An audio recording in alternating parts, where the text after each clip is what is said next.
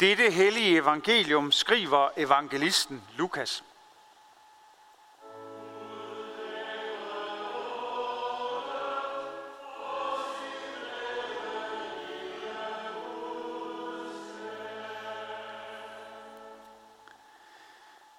En i skaren sagde til Jesus, Mester, sig til min bror, at han skal skifte arven med mig. Men han svarede, Menneske, hvem har sat mig til at dømme eller skifte mellem jer? Og Jesus sagde til dem, Se jer for at være på vagt over for al griskhed. For et menneskes liv afhænger ikke af, hvad det ejer, selvom det har overflod. Og han fortalte dem en lignelse. Der var en rig mand, hvis mark havde givet godt. Han tænkte ved sig selv, hvad skal jeg gøre? For jeg har ikke plads til min høst. Så sagde han, sådan vil jeg gøre. Jeg river mine lader ned og bygger nogle, som er større, og der vil jeg samle alt mit korn og alt mit gods. Og jeg vil sige til mig selv, så min ven, du har meget gods liggende nok til mange år. Slå dig til ro, spis, drik og vær glad. Men Gud sagde til ham, din tåbe, i nat kræves dit liv af dig. Hvem skal så have alt det, du har samlet? Sådan går det den, der samler sig skatte, men ikke er rig hos Gud. Amen.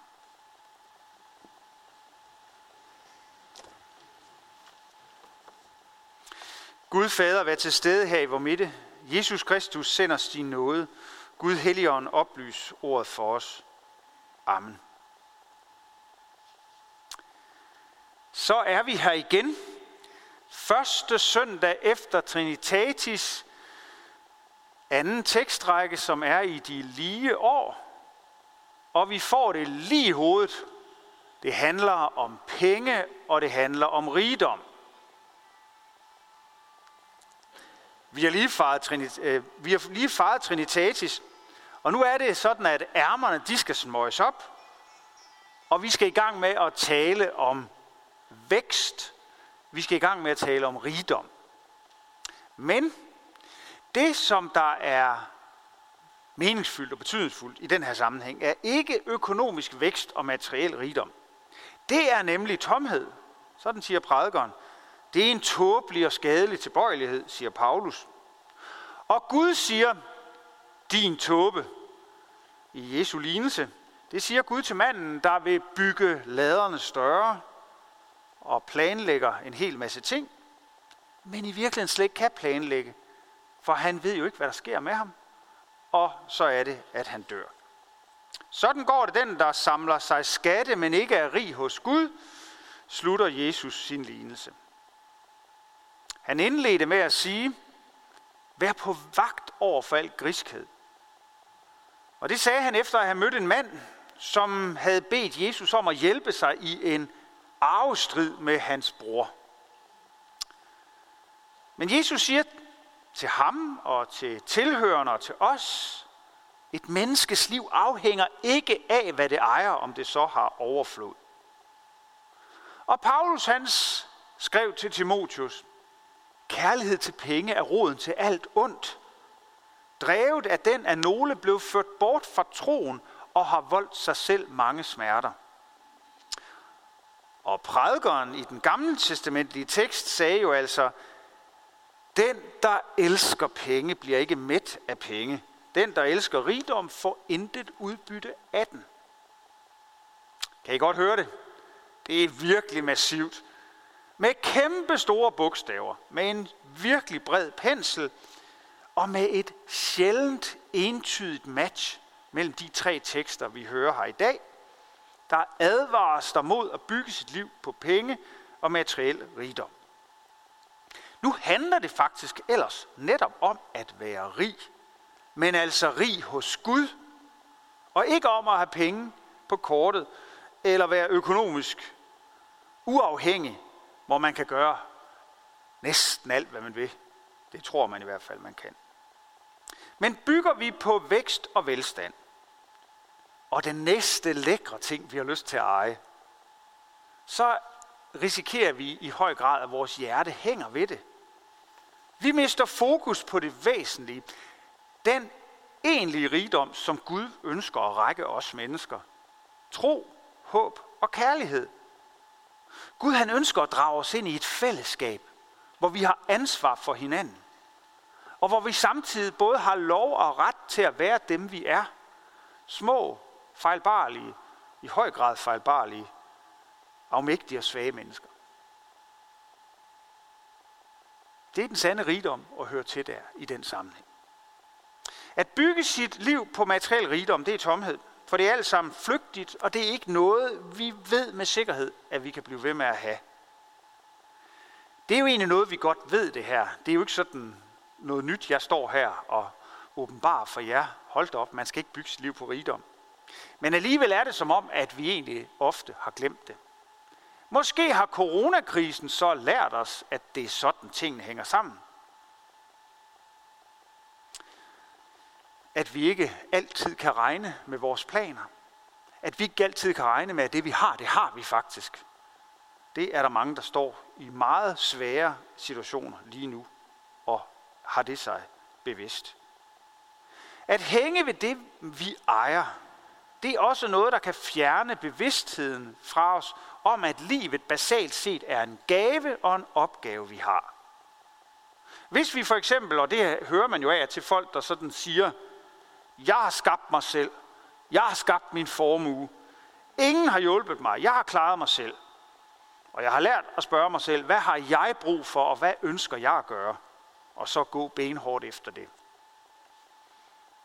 Men det er jo altså nogle gange, når man hører sådan noget, også et udtryk for, hvor hårdt, hvor ensomt og tomt det kan være at ville være så selvstændig og stærk og uafhængig, at man tror om sig selv, at man er den, der både skal og kan klare alle problemer, man møder på sin vej.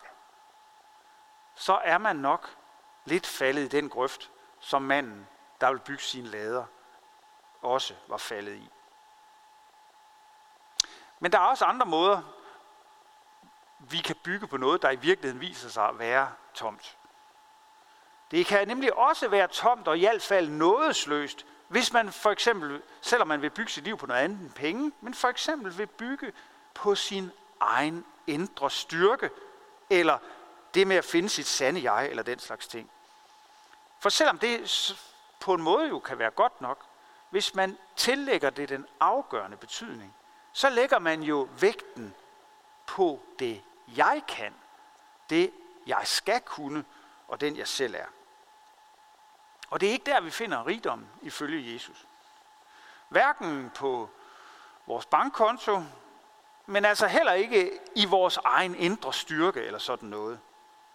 Og der er en hel masse andre steder, vi heller ikke finder den egentlige rigdom. Det finder vi heller ikke for eksempel i vores familie, selvom det jo også er et utroligt vigtigt sted. Vi finder det heller ikke i vores nationale fællesskab, som om det var det allervæsentligste. Vi finder det heller ikke i en politisk grundidé eller et sæt leveregler. Vi finder det ikke i vores sundhed, som man jo kan gå rigtig meget op i, og bygge sit liv på.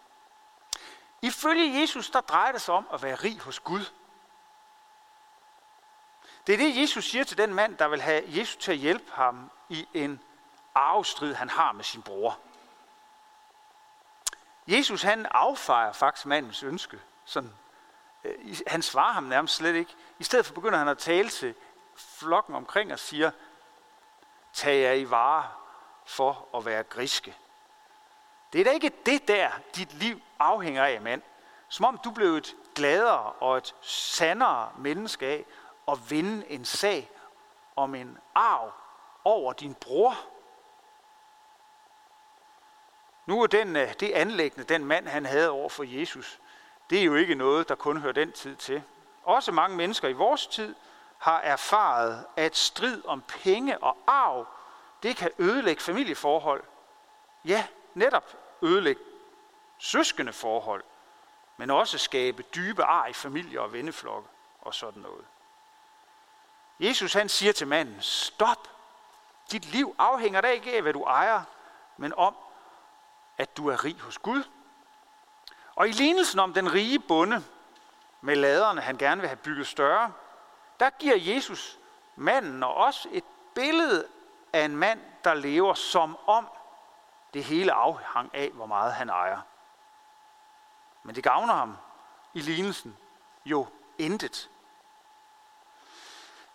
Men hvad betyder det så at være rig hos Gud? Hvordan bliver man det? Det siger Jesus faktisk ikke her specifikt noget om til manden, der kommer med sit spørgsmål.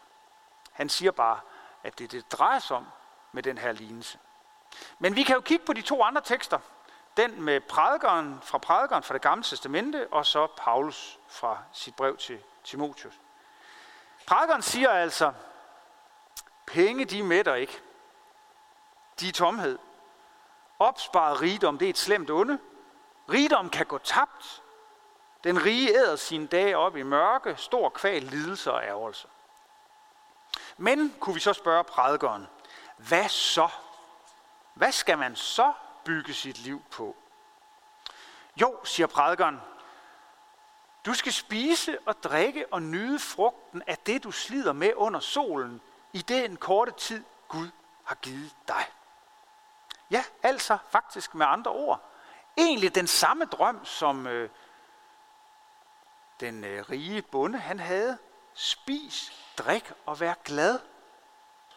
Men forskellen er bare her, at den rige bonde, han vil spise og drikke og være glad en gang i fremtiden, når han selv har skaffet sig pladsen til det og muligheden for det.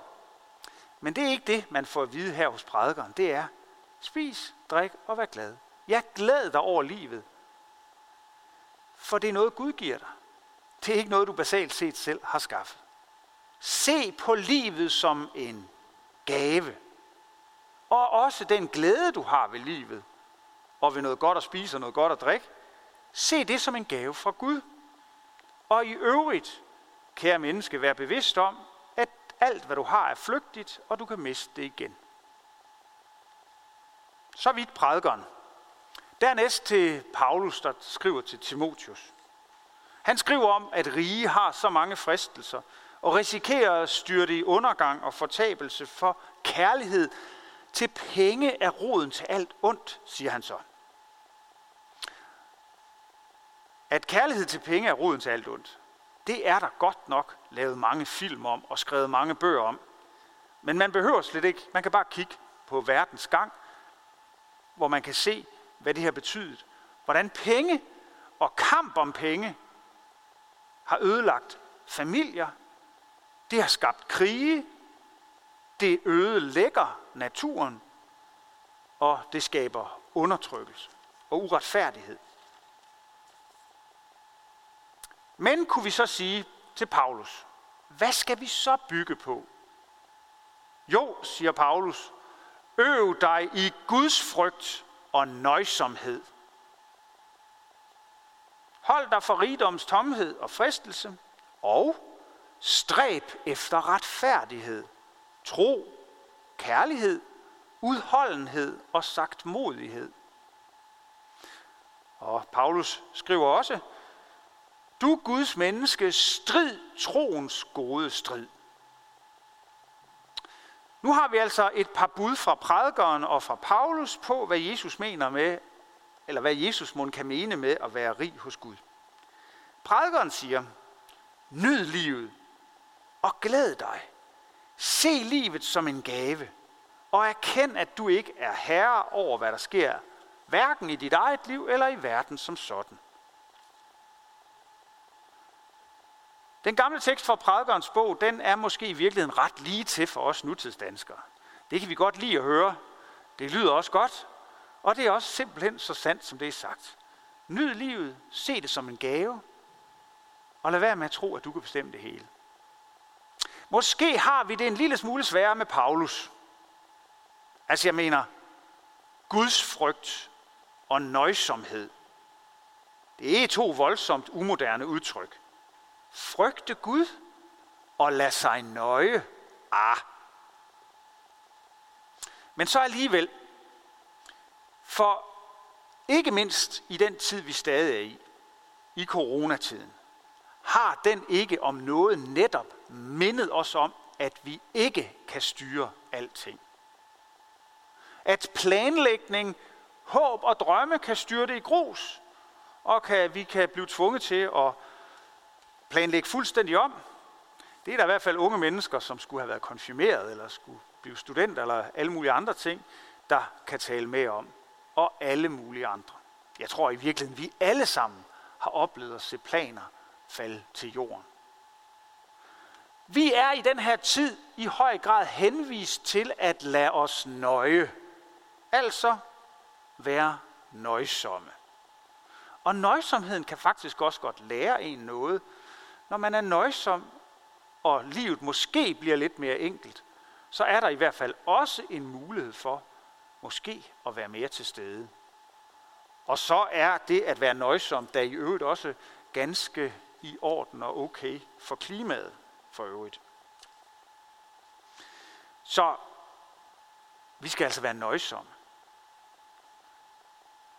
Og når vi samtidig så også forstår, at vi mennesker ikke har styringen, at vi i bund og grund er så uendelig små, ja, hvorfor så ikke tage sådan et begreb som Guds frygt op igen? Det handler jo ikke om at være bange for Gud. Guds frygt handler om at erkende, at han er alt, og at vi er uendeligt små, men at den store og almægtige Gud samtidig elsker lille mig på trods af alt. Så måske Guds frygt, som i øvrigt er i familie med udtrykket ærefrygt, altså at man står slået af forundring og også respekt og ser på noget helt fantastisk stort og smukt. Så kan man jo have ærefrygt, når man står på toppen af et stort bjerg. Måske er Guds frygt også noget, som vi kan indøve os i. Også ikke mindst i den tid, vi lever i. For Guds frygt handler jo også om at erkende, hvem og hvad man selv er. Og så turde tro på at have tillid til Gud, at han har den hele hvide verden i sin hånd. Ja, så måske er Guds frygt i virkeligheden en meget passende måde at forholde sig til virkeligheden, til verden, som den er. Nøjsomhed og Guds frygt, siger Paulus. Første søndag efter Trinitatis, søndagen, hvor det altså går op i penge, og hvor vi skal lære at nyde livet i erkendelsen af, at det er en gave. Hvor vi tør tro og have tillid til, at Gud er med os, og hvor vi også erkender, at vi ikke bliver rige af rigdom, men i stedet bliver rig af at høre sammen med Gud. Og som Guds skal vi, siger Paulus, stræbe efter retfærdighed. Stræbe efter retfærdighed. Altså det vil sige arbejde for, at uretfærdighed ophører. Også den uretfærdighed, som penge påfører mange, mange mennesker. Og hvis man, ikke mindst hvis man ser på det i den store verden. Også stræbe efter retfærdighed på alle mulige andre områder. Verden har langt mere brug for retfærdighed end for penge. Vi skal også kæmpe for retfærdighed. Og i de her uger, hvor ud over coronatiden, jeg nærmest trængt tilbage af coronatiden, har været det kæmpe store fokus på diskrimination og racisme, som stadig er noget, som vi ikke kan komme af med i vores verden. Det skal vi kæmpe imod med alt, hvad vi har. Uværdig behandling af andre mennesker på grund af deres hudfarve, deres tro, deres seksualitet, deres etniske oprindelse, hvad nu end det er. Og lad os bare sige det. Jo, Black Lives Matter. Black Lives Matter to Jesus, kan man også sige det. Hvorfor? Selvfølgelig, fordi Gud elsker alle. Netop derfor giver det mening at sige det andet. Vi skal stride troens gode strid. Ham får vi også at vide. Og hvordan gør man det? Ja, det gør man jo ved at blive ved med at dykke ned i, hvad er det, Jesus vil have os til at gøre? Og hvordan vil han have os til at leve? Og hvad er det, det han har gjort for mig, betyder for mig og for andre? Og at stride troens gode strid handler også om at fortælle andre om den uendelige rigdom, der ligger i at høre sammen med ham. At få lov til at være Guds barn og vide sig elsket. Også selvom man er både afmægtig og til tider et tåbeligt lille menneske. Vi må stole på, at den sande rigdom, den handler om at høre sammen med ham. Amen. Lov og tak og evig ære være dig, hvor Gud, Fader, Søn og Helligånd. Du som var, er og bliver en sand treenig Gud, højlovet fra første begyndelse, nu og i al evighed. Amen. Hellig Gud og himmelske Far, vi lover og tilbeder dig, som i godhed skænker os livet og alle dets gaver. Vi takker dig for den jord, som du har skabt, og for de mennesker, som du har givet os at dele livet med. Vi takker dig for Jesus Kristus, som blev vores bror, som levede, døde og opstod for os, for Helligånden, som er midt i blandt os, for genfødelsen i dåben, for evangeliets lys, og for dit nærvær og din velsignelse i nadvåren. Vi beder dig for din kirke ud over hele jorden, og her hos os i Herningssorg. Tag ikke nådens og sandhedens ord fra os. Bevar os alle i troen og den indbyrdes kærlighed. Lad håbet om, at du kommer igen leve i blandt os. Giv os trofaste ledere og forkynder dit ord. Forbarm dig over dem, der far vild. Vi beder for dem, der lider for dit navns skyld. Lad dit evangelium komme ud til alle folkeslag. Vi beder for vores hjem og vores kære, for vores daglige liv med hinanden i arbejde og fritid. Vi beder dig om fred mellem nationerne og for folkenes regeringer. Skab du fred, forsoning og retfærdighed mellem israelere og palæstinensere.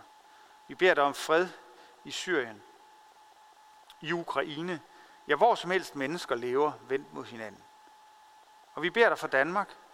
Bevar os som et folk blandt folkene.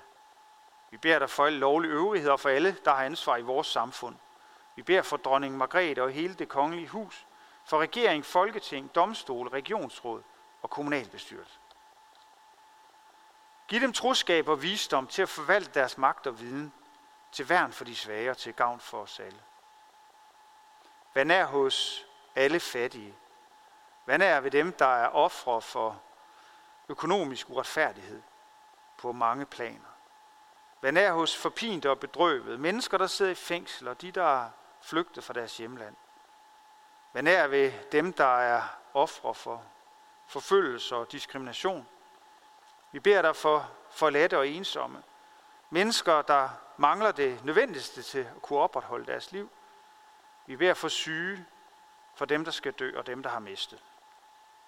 Forbarm dig over os, giv os ikke som forskyldt, men fri os fra det onde, og lad os på den yderste dag få lov at opstå med Kristus, og evigt takke dig ved din elskede søn, Jesus Kristus. Amen.